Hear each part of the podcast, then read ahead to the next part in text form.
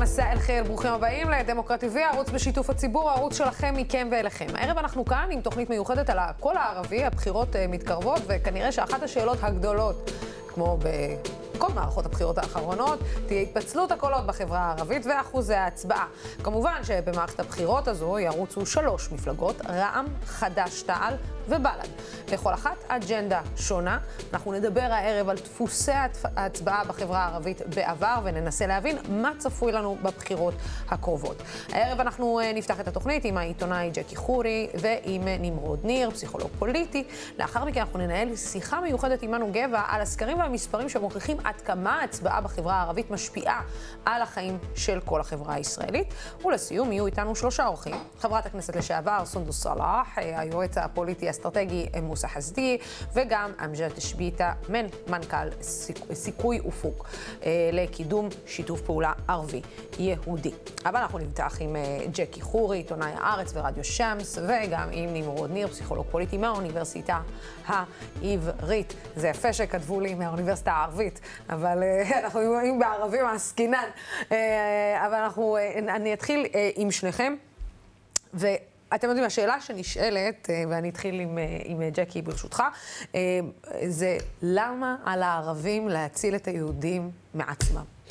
שאלה מצוינת, את יודעת, אנחנו מדברים כל הזמן, אומרים לנו הימין, הימין, הימין, וכל הזמן בן גביר וביבי נתניהו, ומה אתם עושים הערבים, אבל כשזה היה למשל רשימה משותפת, כולם אמרו אי אפשר לדבר איתם, אי אפשר לעשות איתם עסקים, ופתאום עכשיו בוכים למה הרשימה המשותפת התפצלה.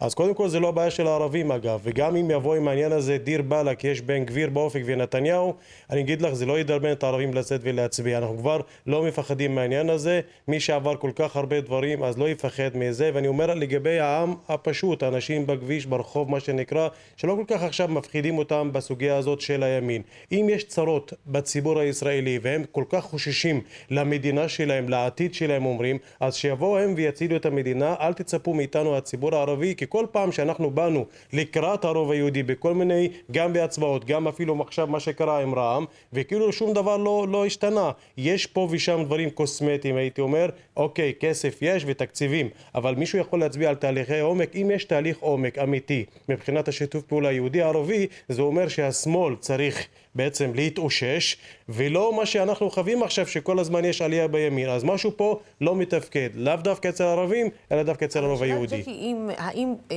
אה, משהו יכול להשתנות בשנה? זאת אומרת, כן ראינו איזשהו תהליך או איזשהו מהלך, אפשר להגיד בסופו של דבר, מהלך היסטורי שעשה אה, נציג אה, ציבור ערבי, אפשר להגיד גם אה, דווקא מה, מהפן היותר שמרני, אנחנו תכף נדבר על שמרנים וליברלים, אבל דווקא מהפן היותר שמרני בחברה הערבית, עושה מהלך היסטורי, וכולנו יודעים שהרי דברים כאלה לא יכולים להשתנות בשנה. השאלה איך את מגדירה היסטוריה. כשאת אומרת לי היסטורי, אני לא מכמת את זה לכסף ותקציבים. היסטורי למשל, אם פתאום מתחיל איזה, איזה מהלך למשל מדיני, בזמנו אוסלו, גם אם עכשיו אנחנו מקללים את אוסלו והשלכותיו, זה היה מהלך היסטורי, ואז הערבים היו גוש חוסם לממשלתו של יצחק רבין. אם מבטלים את חוק הלאום זה היסטורי, אם מבטלים את חוק קמיניץ זה היסטורי, אבל כשמדברים על כסף ותוכנית חומש וכמה מיליארדים ששופכים לציבור הערבי כדי לתקן התחייבות של 70 שנה, אני מסכים שבשנה אחת אתה לא יכול לשנות. זה נכון, זה אמיתי. אבל כל מה שקרה עכשיו, פתאום כדי לבוא לקראת הציבור הערבי,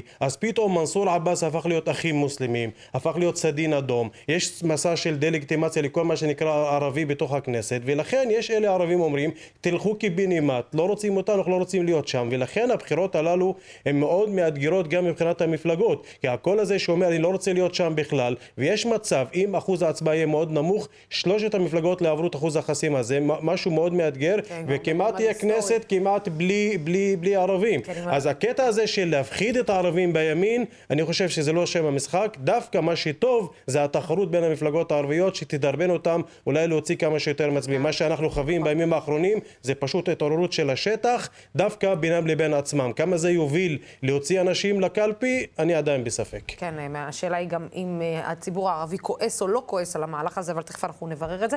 אה, נמרוד, אתה הבאת נתונים אה, שאספת בנוגע לדפוסי ההצבעה, אה, שבעצם התחילו בבחירות האחרונות בשנת 2021, נכון? כן, אני גם רוצה לחזק את מה שג'קי אומר. היה לנו עכשיו איזשהו, אחד מהמחקרים שעשינו בהצבעה הערבית, היה שם מישהו ששאלנו אותם, בן גביר מפחיד אתכם עד כמה הדבר הזה איום? והיה שם מישהו שאמר, עדיף שבן גביר ייכנס לממשלה, כי אם הוא יהיה שר המשפטים או שר המשטרה, בתוך יום אולי הוא יפתור את כל הדברים. וצריך לזכור שעם כל זה ש... וואו. מה זה, אנחנו... תסביר לי יפתור, זאת אומרת, הוא ייכנס ברב רבק, סליחה, כן, הוא לא בעגה הפשוטה, הוא כן. ייכנס ברב רבק של הערבים? כן, כן. אוקיי, אה, אה, זה, אוקיי, יותר פשוט מזה לא, לא, אין לי, כן. עכשיו, הרבה פעמים גם שואלים, היי, הייתה פה שנה, קרה פה מהלך, כל מיני שינויים, תקשיבו, אנחנו חיים במציאויות אחרות לגמרי, זה... זה חברה שחיה באותה מדינה סטטוטורית שלנו, רוצחים שם אנשים ברחובות כל יום, הם לא רואים את השינויים האלה, אם כבר זה יותר מייאש, שגם אחרי שהדבר קרה, לא באמת רואים בש... את השינויים בשטח, אה, ובסוף הם אלו שיכריעו איך תיראה הקואליציה הבאה ואיך יהיו הבחירות ועוד הרבה השלכות שיש לדבר הזה. אה, כי הפעם הקול היהודי לא יכריע את הבחירות, זה אך ורק הקול הערבי, לפי הניתוחים שלנו. בסוף, אחרי ארבע מערכות בחירות רציפות, כשמסתכלים על היהודים, אולי יש שניים וחצי מנדטים מתלבטים. זזים לפה או לפה. זזים כן. לפה או לשם, אבל צריך לזכור עוד דבר, בבחירות אה, האחרונות, הירידה הכי גדולה בשיעורי ההצבעה בקרב היהודים, היו אצל חרדים בעיירות פיתוח שמצביעות באופן מסורתי לליכוד. כלומר, כשמסתכלים איפה, וגם אז היה קורונה, ונתניהו עדיין היה ראש ממשלה, כשמסתכלים עכשיו איפה הם יכולים לצמוח, ואנחנו מקבלים את האינדיקציות האלו גם מהסקרים, אנחנו רואים שהגוש הזה צפוי להתחזק. כלומר, הפעם זה לא לשכנע אנשים להצביע לצד הזה או אחר, אלא להביא אותם לקלפי ביום הבוחר. אה, ובשורה התחתונה, לפי החישובים שאנחנו גם רואים אותם עכשיו על המסך, אה, מחקר אגב שעשינו ל"האם ראית את האופק" לאחרונה, במידה, זה ממש תמונה של הבחירות הקודמות. תנסה להסביר לי מה אנחנו רואים, כי יש הרבה נתונים. בצד הימני אנחנו בעצם רואים את תוצאות האמת בבחירות האחרונות, 59 לגוש נתניהו ימינה. באמצעי אנחנו רואים מה היה קורה, לו שיעור ההצבעה היה יורד בערך בחמישה אחוז, מגיע ל-40 אחוז, כמו שכל הסקרים היום מראים. מקרה כזה, גוש נתניהו ימינה 62, אה, אבל אם השיעור הזה היה מגיע ל-60 אחוזים, שזה עדיין פחות מהבחירות לכנסת ה-23, כן, זה לא מדע בדיוני, אין לו כמעט התכנות מתמטית להקים קואליציה. אז, אז יותר מזה, כל, כל ערבי, בעצם 50 אחוז בערך מהקולות של ההצבעה הערבית, הולכים אה, או לגוש השינוי, רק 7 אחוזים הולכים לגוש נתניהו, והשאר זה בעצם למשותפת, זה סוג של גוש חוסם. אה, הדבר הזה גם יכול לוודא שמרץ תעבור את אחוז החסימה ועוד כל מיני דברים. אגב, מערכת אה, בחירות הראשונה בסבב האינסופי הזה, גם היה קונסטיאציה דומה, חד"ש-תע"ל, רק שבל"ד הייתה עם פרס, עם רע"מ, אה, וראינו שבאמת מרץ קיבלה איזה, איזה מנדט. אז אני חושב שה... עוד שניה נדבר על הפיצול הזה, אני חושב שקודם כל צריך להבין שבאמת, מה שיכריע, אם יהיה 40 אחוז, זה לא משנה מה יעשו ביהודים. תהיה פה רק קואליציה אחת. אם יהיה 60 אחוז או יותר, זה לא משנה כמעט מה יעשו בצד השני, לא תהיה להם קואליציה. אה, השאלה הנשאלת היא, קודם כל, אה, אה, כמו שג'קי אמר, למה בעצם שהם יצביעו? אחרי, אחרי כל הדברים שדיברנו עליהם עכשיו, וכשאנחנו בודקים מה הכי מנבא את ההצבעה של האזרחים הערבים, הממסד שחוזר על עצמו זה שני דברים קצת פרדוקסליים בהתייחס לפיצול הנוכחי. אחד, זה ככל שיש פילוג פוליטי ומחלוקות בחברה הערבית, הדבר הזה מן הסתם מפחית הצבעה. אגב, אצלנו כיתוב פוליטי וחברתי זה כבר דבר שאנחנו רגילים אליו. נכון. אבל שם, עם כמה שיש אה, אה, שסעים ומתחים, עדיין ברגע שאתה מיעוט מול רוב, אתה פחות. ועכשיו אנחנו רואים יותר ויותר אינדיקציות שהכיתוב הפוליטי מייצר גם סוג של כיתוב חברתי. אז זה דבר אחד שבאמת יכול לפגוע לאור הפיצול.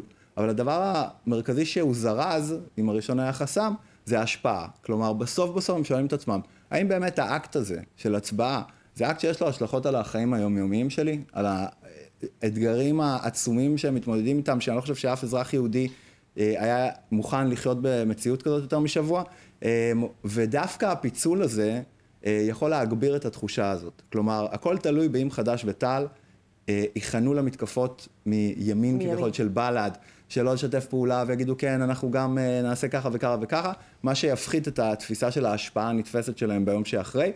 אה, או דווקא יגידו, היי, יש לנו פה הזדמנות. בכנסת ה-23 שהיו 15 מנדטים, כולם אומרים, כן, זה היה איחוד של המשותפת, גילוי נאות, עבדתי עם המשותפת באותן בחירות, חשוב לי להגיד זאת, אה, אבל אחת, אחד הדברים שהביאו ל-15 מנדטים, זה לא רק האחדות, זה הצהרה של איימן, שהוא התחיל את כל הפרויקט הפוליטי שעכשיו אנחנו מדברים עליו, אגב, אגב כן? אגב, אנחנו תכף נדבר על זה, על העניין הזה של, של, של, שהוא בעצם מעוניין להיות חלק, או. על, על, על, אתה מדבר על 2015, נכון? כן. 2019, כן. סבב אה, ג'. אה, סבב ג'. אבל, אבל שעם ה-15 מנדטים, כן. ו- וגנץ גם מהצד השני, ולפיד, ובאמת היה פה איזשהו מהלך של הושטת יד לשותפות, זה היה לא פחות קרדינלי בכמות מנדטים שהם זכו לה. אה, ולכן עכשיו הכל תלוי בהאם באמת אה, חד"ש ותע"ל אה, ייקחו גישה שהיא יותר פרגמטית, שאומרת חבר'ה אנחנו בשונה נגיד מעבאס, לא, לא אומרים שנצטרף לכל ממשלה איזה way זה, אלא רק לממשלה שכמו שג'קי אמר, תביא גם משהו היסטורי ולא רק דברים טכניים. אבל ממשלה, ממשלה שיכולה אה, להביא משהו היסטורי, ואם אני רוצה לקשר את זה על, על מה בעצם, מה הם התנאים, ג'קי, שבעצם מפלגה יכולה, המפלגות הערביות יכולות להגיד, אוקיי, את זה אני יכול לבלוע, את זה אני לא יכול לבלוע. כי אפשר להגיד שמנסור עבאס בלע הרבה מאוד צפרדעים בממשלה הנוכחית. כדי להיות, לצורך העניין, גם אם לתמוך מבחוץ, גם אם להיות גוש חוסם, מה בעצם הדברים שאחמד טיבי ואיימן עודה יהיו מוכנים לצורך העניין לבלוע, ומה הדברים שלא יהיו מוכנים לבלוע. לדעתי קודם כל הם רוצים לעשות את, ה, את ההבדל המשמעותי בינם לבין מנסור עבאס. מנסור עבאס הלך על הטקט האזרחי לגמרי, זאת אומרת כל הסוגיות המדיניות הוא היה, אם היינו שואלים אותו הוא היה מעלה את זה, אם לא אז הוא היה מתמקד בסוגיות האזרחיות. מבחינת אה, חד"ש ואיתן הם צריכים להביא שזה לא רק עניין של כסף ותקציבים, כי כסף ותקציבים יכולים להגיד גם ראשי רשויות יכולים להשיג במשא ומתן וזה מה שקרה אגב, כל התוכניות האלה מנסים להעלים את ראשי הרשויות, עבדו שם ראשי רשויות, לא כולם מוכתרים, לא מבינים עניין, יש שם חבר'ה רציניים, יודעים לעבוד ויש להם יועצים ועבדו, והם צריכים את הייעוץ הפרלמנטרי, והיה מנסור עבאס ואיימן וכולם, זה טוב. אבל איימן עודה ואחמד טיבי, אם לא יציגו משהו מדיני, בוא נגיד, ביטול חוק הלאום, אני יודע שאני מדבר דברים כאילו נראים הזויים, זה משהו שיכולים לזרז, אפילו לאתגר את בל"ד בעניין הזה. זאת אומרת, אתה צריך להביא לי משהו, התחייבות שאתה מתקדם בתהליך המדיני. אתה יודע, כל הזמן אנחנו שומעים, אין עכשיו אופק מדיני, לא יכולים לדבר על זה, רק לסייע לרשות הפלסטינית. למרות שאפשר. להגיד שכאילו מתחת, מצד אחד הממשלה הזאת, אה, ותקן אותי אם אני טועה, מצד אחד הממשלה הזאת כאילו חרתה על דגלה, אנחנו לא מדברים אה, בעניין המדיני, כן. אנחנו שמים אותו בצד, כי אנחנו לא יכולים עם כל הקצוות אוקיי. וכל הדעות. מצד שני... בני גנץ הולך, עושה מהלכים, ונפגש עם אה, אבו מאזן. זה בדיוק העניין, פגישות יש. כשמדברים על כסף לא ותקציבים, איך אמר לי מישהו לא פלסטיני, אני מצטט בכיר פלסטיני, כמובן לא אנקוב בשמו, הוא אמר לי שהישראלים רוצים לאכול, לשתות אמר עוד מילה קשה גסה וזהו ותשבו בשקט. אני בסופו של דבר צריך את ההגדרה העצמית. ג'נין, עכשיו אם הולכים לג'נין, אלפי רכבים נכנסים שהמעבר פתוח ויש פרנסה ויש עבודה. בסופו של דבר גם השלום הכלכלי בשלב מסוים יגידו די, אני כפלסטיני, אזרח פלסטיני רוצה הגדרה עצמית ולכן אי אפשר לשחק איתי כל הזמן על העניין הכלכלי-כספי ולתת לי עוד אישורים ועוד אישורים ועוד אישורים. המהלך הזה, אני דעתי מיצה את עצמו. משהו במישור המדיני צריך לנוע. ואם יניעו משהו, אז בסופו של דבר גם אחמד טיבי וגם איימן עודה, אגב, היסטורית זה קרה, כל מהלך מדיני מול הפלסטינים, מול אש"ף, מול הרשות, חברי הכנסת הערבים תמכו בו, גם אם לא היו הרבה. כן, זאת אומרת... השאלה היא עד כמה זה מעניין בכלל, אבל עד כמה זה מעניין בסוף בכלל את הציבור הערבי אה, בתוך ישראל. זאת אומרת, היום הציבור הערבי בתוך ישראל, כשהוא סובל מכל כך הרבה אלימות, ובעצם חוסר תקצוב. זה נכון, זה נכון, אבל אני... אני אגיד לך, אני אגיד לך עוד משהו. לוסי, אנחנו מתקרבים,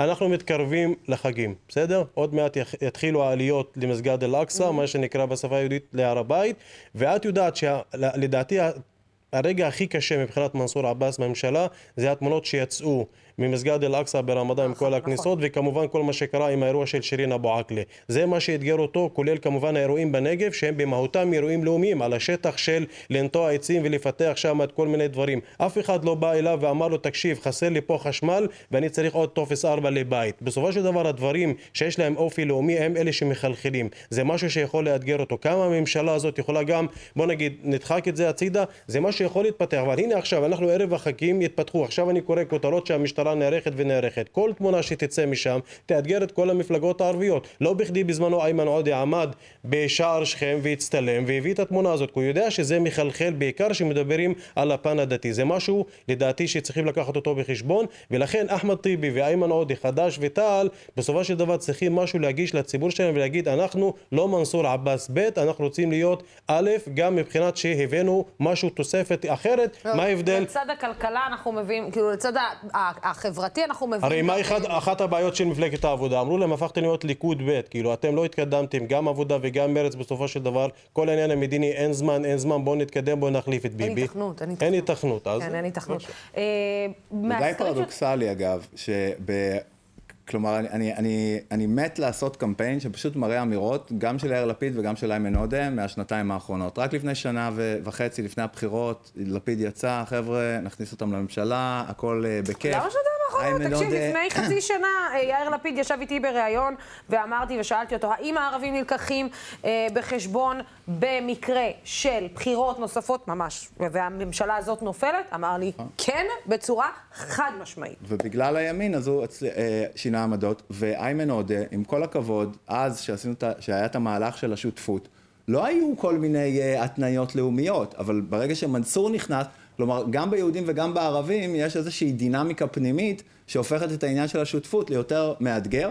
אה, ואגב, צריך גם להגיד, תראו, זה, זה, זה נורא פרדוקסלי שהחבר'ה שבעצם התחילו את כל התהליך הזה, זה איימן עודה, זה אה, אחמד טיבי, בסוף, לא רק שהשמאל, אה, מרכז שמאל נתן להם כתף קרה, אלא בחר בעבאס כשותפות, וגם זה שהיום השמאל היהודי הליברלי מעדיף את האחים המוסלמים על חד"ש. כן, זה... אגב, אבל הם קיבלו תעודת ההכשר הרי בגלל שאז הקמפיין של אבו יאיר עם מנסור עבאס, עכשיו יש להם את התעוזה להגיד שאנחנו יכולים גם להסתמך על מפלגה ערבית כזו או אחרת, אחרת אין להם 15 מנדטים, הרי זו הייתה סטירת לחם מצלצלת לציבור, הבאנו 15 מנדטים, אמרו אז היסטוריה הכל ישתנה, וחטפו סטירה. הנדל וגרטל כן. אה, עשו מהלך. אני מנסה רגע, שנייה תנסו אה, אה, לעשות לי סדר. אתה מדבר כבר על העניין השמרני והליברלי. עד כמה העניין השמרני והליברלי הוא מאוד גם תקף בחברה הערבית. זאת אומרת, אם אנחנו מדברים על אה, שמרנות וליברליות, אה, אפשר להגיד שהמהלך של, אה, של ההתפצלות, גם איכשהו מראה יותר את הגוונים של החברה הערבית. זאת אומרת, אם תחת המשותפת כולם אמרו, אוקיי, כולם ערבים, עכשיו אפשר להבין שיש במשותפת, אה, ברגע שהתפצלו, יש ימין, יש שמאל, יש מרכז, יש דתי יותר, יש חילוני יותר, יש כן, יותר צבעים. כן, אבל הממשלה שהיה שותף למנסור עבאס, את יודעת, התקבלו לא מעט החלטות לגבי הקהילה הלהט"בית, שכל הקמפיין שלהם היה בעיקר אז התמקד בעאידה תומא סלימאן וכל העניין הזה. כן. ואני זוכר את המאמר שהוציא אה, ספוות פריג', לא מנסור עבאס, השייח' של התנועה האסלאמית, הוא אמר שיש דברים שאנחנו לא יכולים להשפיע, אלה החלטות שלא תלויות בנו, שהתקבלו על ידי כל מיני שרים. ולכן אם את מזה עד עכשיו, זה לא עולה לסדר היום.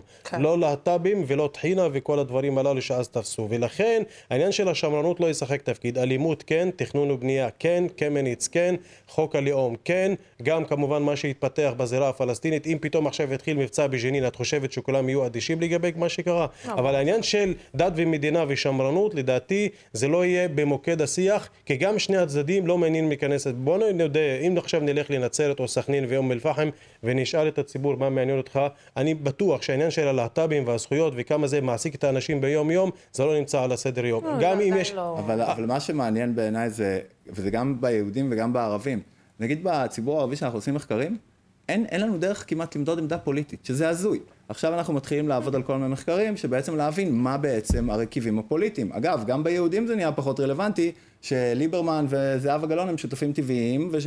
כלומר, אגב, החרדים, שרובם לא מגדירים את עצמם ציונים, זה חלק מבלוק הימין, אנחנו צריכים באמת לבדוק את הרישאפל האידיאולוגי הזה ולראות מה באמת מסתתר מאחורי הגוונים, אבל כן צריך להגיד שבהרבה מהדברים הציבור הערבי, אה, לפחות ברובו, אה, הוא יותר, הוא, הוא פחות שותף טבעי בהכרח של המפלגות של השמאל. של השמאל.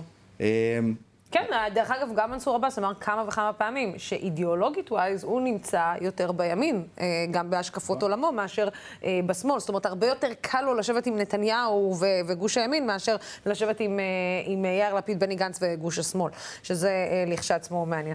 אבל מה אני אגיד לכם, זה כנראה ימשיך להיות מעניין. מי ידע שאנחנו בסוף הערבים נכניס כל כך הרבה אקשן לתוך המדינה. ג'קי ונמרוד, תודה רבה. תודה. לשניכם. שלום, שלום אה, למנו גבע, מנכ"ל ובעלים של מכון המחקר מדגם, מה שלומך? שלום לוסי, בסדר גמור, מה שלומך? בסדר גמור. אז מנו, בוא נתחיל, אתה יודע, מדברים רבות על אה, כמובן הקול הערבי בבחירות אה, הקרובות. אותי מעניין זה עד כמה בסקרים החברה הערבית בכלל משתפת פעולה. אני חושב שבסך הכל אה, משתפים פעולה. אין לנו בעיה מיוחדת עם אה, החברה הערבית, אה, כי אנחנו מציבים סוקרים, אנחנו מראיינים אותם חלק בטלפון וחלק באינטרנט, בהתאם לנגישות של כל אחד, זאת אומרת צעירים יותר נניח באינטרנט ויותר מבוגרים בטלפון, אבל גם כשבאינטרנט אז השאלון הוא בשפה הערבית או בשפה העברית הם בוחרים. ובטלפון אנחנו מראיינים אותם באמצעות אה, מראיינים דוברי ערבית על בוריה כשפת אם. זאת אומרת, גם הם בוחרים שם, אבל הם יודעים גם עברית וגם אה, ערבית, אז אה, זה מסתדר מצוין. עד כמה באמת, מנו, הבחירות האלה הולכות להיות מוכרעות על גבם של, של הערבים במדינת ישראל? תראי, אין ספק, מאחר, שוב, אנחנו מדברים כרגע אך ורק על... אה, על מצב קיים, כי הרי הסקר הוא לא תחזית ואנחנו לא מתיימרים לנבא את הבחירות, אבל נכון להיום אין תזוזה בין הגושים, אוקיי? וכל התזוזות הן אה, בתוך הגושים. עכשיו, אה, בגלל שהתזוזות הן בתוך הגושים, אז צריך להיות, אם לא יהיה שינוי, אז צריך להיות משהו מאוד ספציפי, כמו למשל אה, אחוזי הצבעה, ובעיקר בחברה הערבית, שיכולים לשנות את המצב. או מפלגה שלא תעבור מצד כלשהו, שיכולה גם לשנות את המצב, אבל כן, אחוזי ההצבעה של החברה הערבית פה היא קריטית. היא כרגע עומדת על סדר גודל של 44 אחוז. אה, והיא מסתכלת להם סדר גודל של 12 מנדטים, עשרה מהם הולכים לחברה הערבית, זאת אומרת למפלגות הערביות, ושני מנדטים מתפזרים בין, בין מפלגות יהודיות. אני, מנו, מנסה אה, להבין, אתה יודע, את ההבדלים בין אה, מערכת הבחירות אה, הראשונה, שבעצם בה באמת הערבים יצאו להצביע בעקבות ההסתה שהייתה כנגד החברה הערבית, לבין אה, מערכת הבחירות של אבו יאיר. אה, זאת אומרת, שבה היום בדיעבד אומרים שבעצם כל הקמפיין הזה של אבו יאיר זה קמפיין שמנסה להרדים את הערבים בכך שבעצם בנימין נתניהו הוא לא בכלל אה, אה, אה, הדימון הגדול, הדימון הגדול שבעצם מפחדים ממנו, ובכך אם אין לי מה לדאוג מנתניהו, אז אני לא צריך להצביע, הכל בסדר. אה, השאלה היא באמת עד כמה הדברים האלה משפיעים אה, אה. בסק, בסקרים שאתם בודקים? תראי, אנחנו מתעסקים עם נתונים, אנחנו לא מתעסקים עם פרשנות. אה, זה פרשנות בעצם, או שזו בדיקה שצריכים לעשות אותה ספציפית, ואין לי כרגע איזשהו משהו אה, מיוחד, אה, מידע מיוחד שיכול לעזור. אני מניח, ובגדול, אבל שקיימת אדישות, כן, בחברה הערבית, זה מתבטא באחוזי הצבעה שהגיעו באיזשהו שלב אפילו ל-38 אחוז. הם קצת עלו עכשיו, מאוד קשה לדעת, זה מאוד אניגמטי כרגע.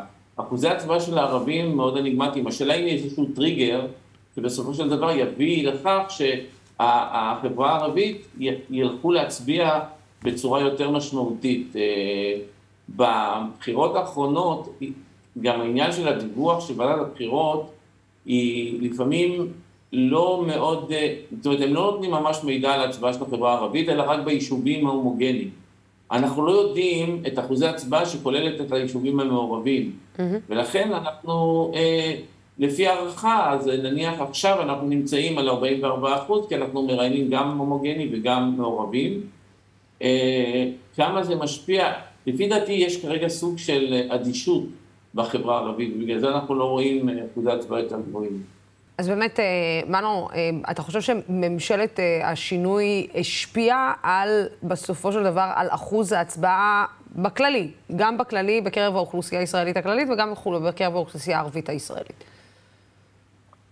תראי, זה תלוי את מי את שואלת, כי יש כאלה שמגדירים את, ה, את הממשלה הזו, שעדיין מכהנת, כן, שמגדירים אותה כממשלה שלא לא נכשלה, ויש כאלה שיגדירו אותה שהיא לא הצליחה, אבל אני מניח שלא, זאת אומרת, לא, הממשלה הזו לא הצליחה להשלים באמת את כל הפעילות שרצו לעשות, ויכול להיות שזה יצר איזשהו מצב באמת של איזשהו סוג של אוקיי, אז ניסינו גם את זה עכשיו ולא לא באמת הגענו לאיזושהי תוצאה, אז יכול להיות שזה יש חלק מההשפעה על העדיפות.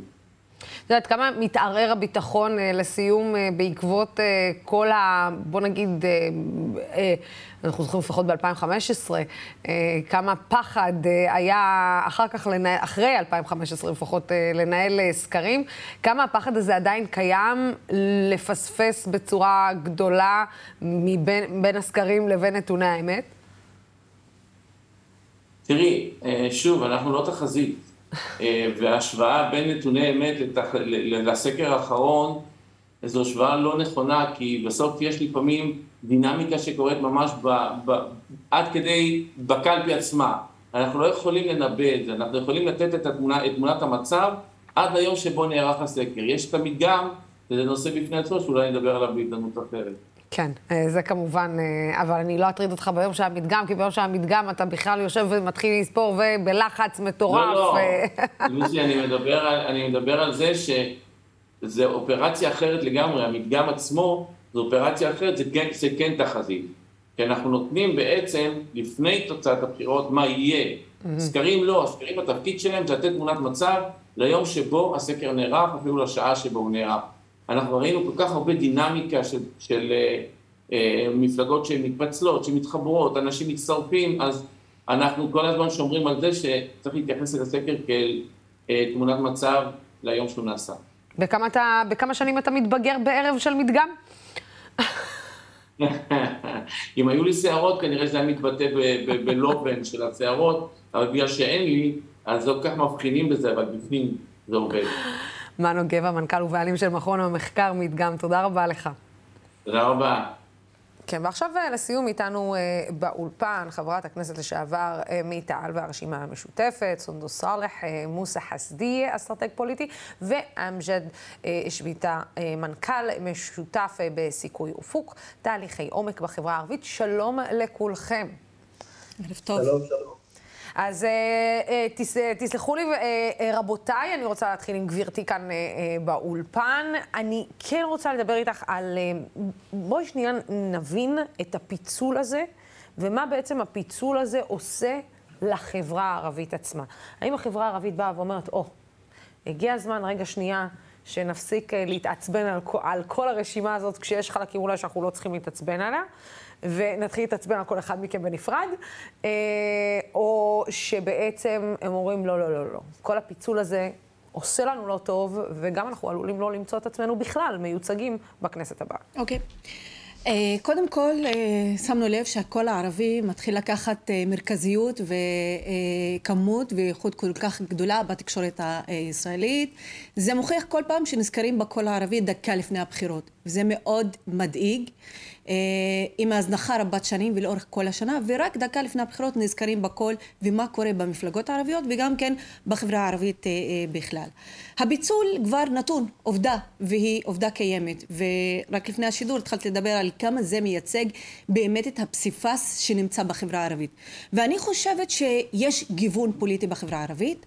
הביצול הזה הוא אה, אה, תולדה, תולדה, תולדה, תולדה לשונות הפוליטית הקיימת בין מרכיבי הרשימה המשותפת. הרי לא היה אף פעם דבק אה, כל כך גדול בין שלושת המרכיבים. היה מחנה אחד גדול, לא נשלה לא את הציבור שלנו, לא את עצמנו. נכון האחדות ברשימה המשותפת הביאה להעלאת אחוז ההצבעה הכי גבוה בחברה הערבית, זה מאוד חשוב, האחדות מביאה להעלאת אחוז ההצבעה. יחד עם זאת יש מחיר לאחדות. אני חושבת שיכול להיות שאנחנו נצליח למנף את הביצול הזה להזדמנות גם לתת לנרטיב הפוליטי והאידיאולוגי של כל זרם בנפרד לגשת לציבור אליו ולנסות לנסות לשכנע ולהביא ליותר מצביעים ומצביעות מהחברה הערבית. mm-hmm. וגם אופן הצבעה, השפעה שונה במערכת הפוליטית. ויכול להיות שנצליח בשלושת הזרמים להעלות את אחוז ההצבעה אם אסטרטגית נעבוד נכון מול הימין הקיצוני ולא מפלגה מול השנייה, וזה מאוד חשוב. אני שומעת את הדברים שסונדוס אומרת. מוסא, בוא רגע שנייה תנסה לעשות לי סדר. עד כמה החברה הערבית בעצם הולכת להשתכנע כן לצאת. אני מסכימה עם סונדוס שבעצם נזכרים תמיד בקול הערבי בדקה האחרונה. אפשר להגיד שבמערכות הבחירות האחרונות די היינו בכותרות כן. מבחינת, כי יש הרבה מערכות. הערבי. כן, כי יש הרבה מערכות, וגם מבינים כנראה שאי אפשר, שהאישה והגבר הערבים הם חלק בלתי נפרד מהמשחק הפוליטי, אבל עד כמה באמת האישה והגבר הערבי במדינת ישראל מבינים שהם חייבים להיות חלק במשחק הפוליטי, ולא באים ואומרים, לא בא לי להצביע, לא רוצה, לא מתאים לי, זה מעצבן אותי. לא, אני רוצה להזכיר לך את הבחירות האחרונות. אנחנו היינו 15 מנדטים, התפצלנו, ואז ירדנו לעשרה מנדטים. האם הדבר הזה ישתנה הפעם? אנחנו עוד התפצלנו. אז לדעתי הנושא די קשה. היום בנקודת הזמן הזאת יש לנו שתי בעיות. הלוואי שאחוז ההצבעה בקרב הציבור הערבי, כפי שסונטס חושבת, יעלה. נכון, עכשיו יש ריב שהיום בל"ד וחד"ש ורבים וביחד עם תע"ל על מה שקרה בעצם בין, בתוך המשותפת. אני חושב ש... אני, אני פונה, קודם כל בל"ד עשה הסכם נפרד עם חד"ש ועכשיו הוא כועס על זה שדווקא תע"ל בסוף עשה את ההסכם עם, עם חד"ש. המצב הוא קשה. אני חושב שאחוז ההצבעה היום, למרות שמדברים היום ברשתות, ואני רואה, הרשתות האלה מייצגים יותר את האליטה בציבור הערבי, ולא מייצגים את הרחוב הערבי, ובמיוחד, נכון, הצעירים. 50 אחוז ממנו שהוא מתחת לקו העוני, ושם בעצם דואגים לחיי היום-יום, דואגים לחיים השוטפים שלהם, ולא הנושא הפוליטי והמריבות בין המפלגות רק מכעיס אותם. אני חושב שהיום מצבנו נוסף עוד מרכיב, שמה שדיברה סונדוס וגם מה שאת מדברת בעצם, האם המפלגות הערביות יעברו את אחוז החסימה? יש לנו בסקרים האחרונים ארבע מנדטים למאוחדת וארבע לחד"ש ותע"ל ובל"ד לא עובר את אחוז ההצבעה. עכשיו אפילו שאחוז ההצבעה יעלה, עדיין כנראה שאנחנו, ואני מאמין שבל"ד בעצמה לא תעבור אחוז חסימה והיא עלולה להפסיד עד שני מנדטים. אז בכל מקרה אנחנו מפסידים. בכל מקרה יהיה לנו פחות ייצוג בתוך... אתייחס, אני, תכף אתן לך אה, להתייחס לזה, סונדוס, אני רק אה, רוצה, אה, שנייה, אמג'ד, שאתה תעשה לי עוד, תדייק לי את זה עוד יותר. מה גורם לנו לא לצאת להצביע? הרי בסוף זה החיים שלנו. אנחנו חיים במדינה דמוקרטית, עד כמה שאפשר להגדיר דמוקרטית בכל מה שקורה במדינה, ועדיין אנחנו הדמוקרטיה היחידה במזרח התיכון שיש בה תהליכים דמוקרטיים. איך זה יכול להיות שאנחנו כציבור לא מבינים או לא מנצלים את הדבר הזה לטובתנו, בסופו של דבר, כדי להגיד, זה הקול שלי, זה מה אני רוצה, ככה אני רוצה להשפיע גם על המשחק הפוליטי. את יודעת, יש את האמירה אה, ההיסטורית שאומרת שמדינת ישראל היא מדינה אה, דמוקרטית ליהודים ויהודית לערבים. לערבים, כן. אני חושב, ש, אני חושב שמערכות הבחירות האחרונות אה, מחזקות את התחושה הזו אצל האזרחים הערבים. אני חושב שגם אה, נכון לנתח את העניין של המפלגות הערביות, כאילו יש יחס אה, נגדי כזה, שככל שהמפלגות הערביות מספרן גדל, כך אחוז ההצבעה קטן וזה אה, פחות טבעי ואני חושב שזה לא רק בגלל המספר אלא בגלל כך שהוויכוח בין המפלגות במקרים רבים אה, אה, כולל הכבשות שמרחיקות את האנשים שמצפים המפלגות להיות יותר אחראיות ויותר להתחשב בסוגיות של החברה הערבית. אבל אני רוצה להגיד עוד משהו שלדעתי המפלגות הממסדיות יותר משדרות לאזרחים הערבים באופן עקבי שהם וכולם לא רצויים. אני לא מדבר רק על בנימין נתניהו ועל הימין, אלא גם כן, אפילו כן, על מפלגות... במיוחד מפלגות המרכז-שמאל. בוא, אני, אני, אני אקליל לך את זה. במיוחד מפלגות המרכז-שמאל. אה, מה שמצופה לפחות אה, משם, שיפנו ויקרצו נכון, אני, אני, אני חושב שהניסיון אה, בהקמת ממשלת שינוי שחרתה על דגלה כביכול לשרת את ה...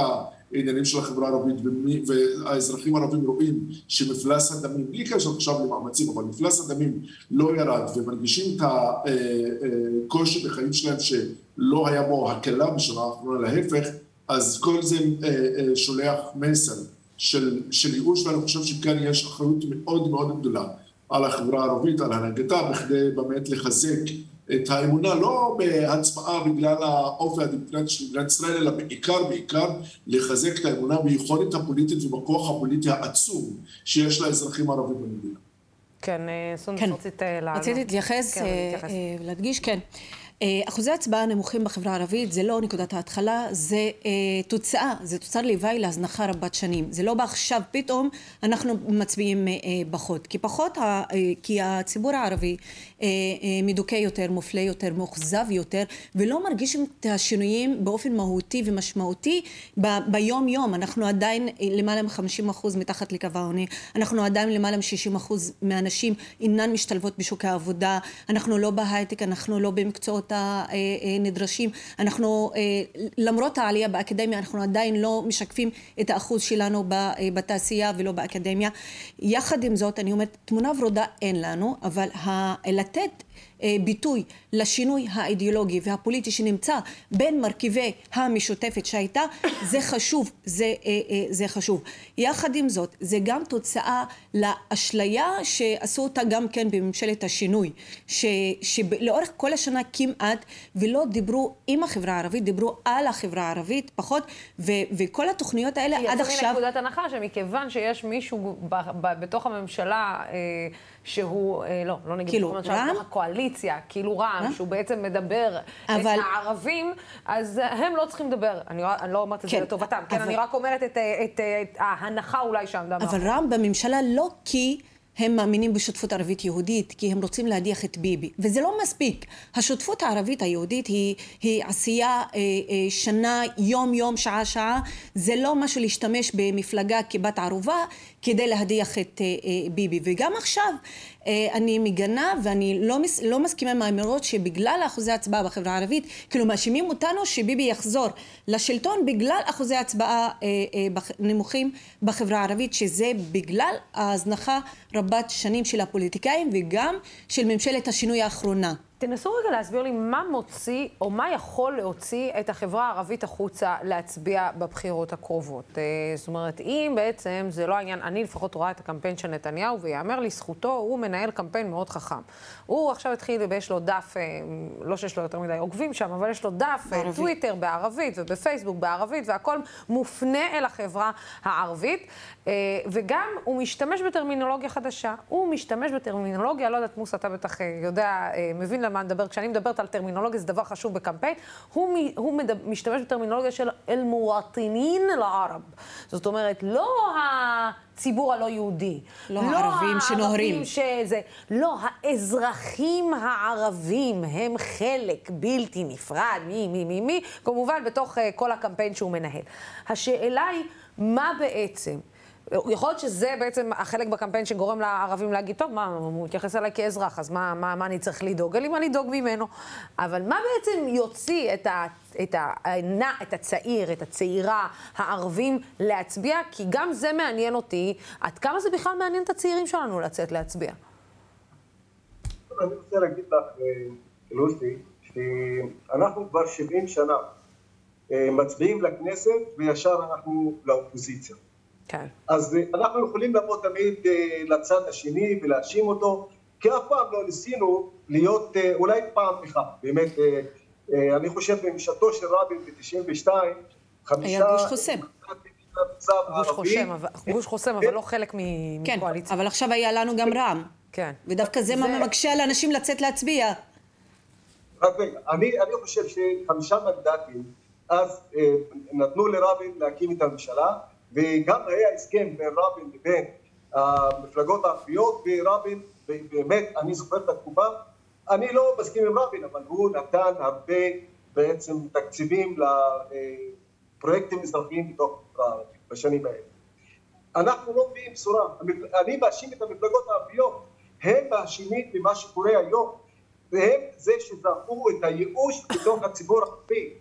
אתם, המפלגות בעצם, סונדוס מדברת שיש שוני בין המפלגות. בעצם הכותרות הראשיות של המפלגות לא שונים. ואני לא מאמין שמנסור עבאס הוא בא על אג'נדה דתית, אני לא מאמין בזה. מנסור עבאס משחק פוליטיקה כמו שכולם משחקים פוליטיקה. נכון. כמו שאחד משחק פוליטיקה. הבעיה של המפלגות... כמו שאיימן עודה גם שיחק פוליטיקה. בוא, איימן עודה לא סתם עשה את הוידאו על שער שכם. איימן עודה לא היה עושה את הוידאו הזה, לולא הוא לא היה משחק פוליטיקה. נכון, משחקים פוליטיקה.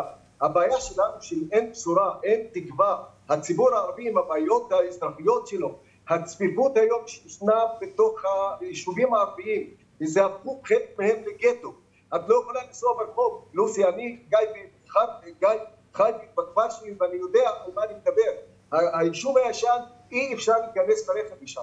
זה הרבה יישובים במצב כזה. אני יכולה להגיד לך שאיפה שההורים שלי, להורים שלי יש בית בנצרת, ואני יכולה להגיד לך ששמה... רק רגע, לא כן. עוד דבר. לא, לא, אני, אני מסכימה איתך לגמרי, אני פשוט אומרת שאני מסכימה איתך לגמרי. אני רוצה לשאול סונדוס, למה לא לקחתם את נושא האלימות כאסטרטגיה, כאג'נדה שאתם לוקחים אותה עד הסוף, נלחמים, גם ברחוב, דרך האזרחים, דרך הממשלה, דרך...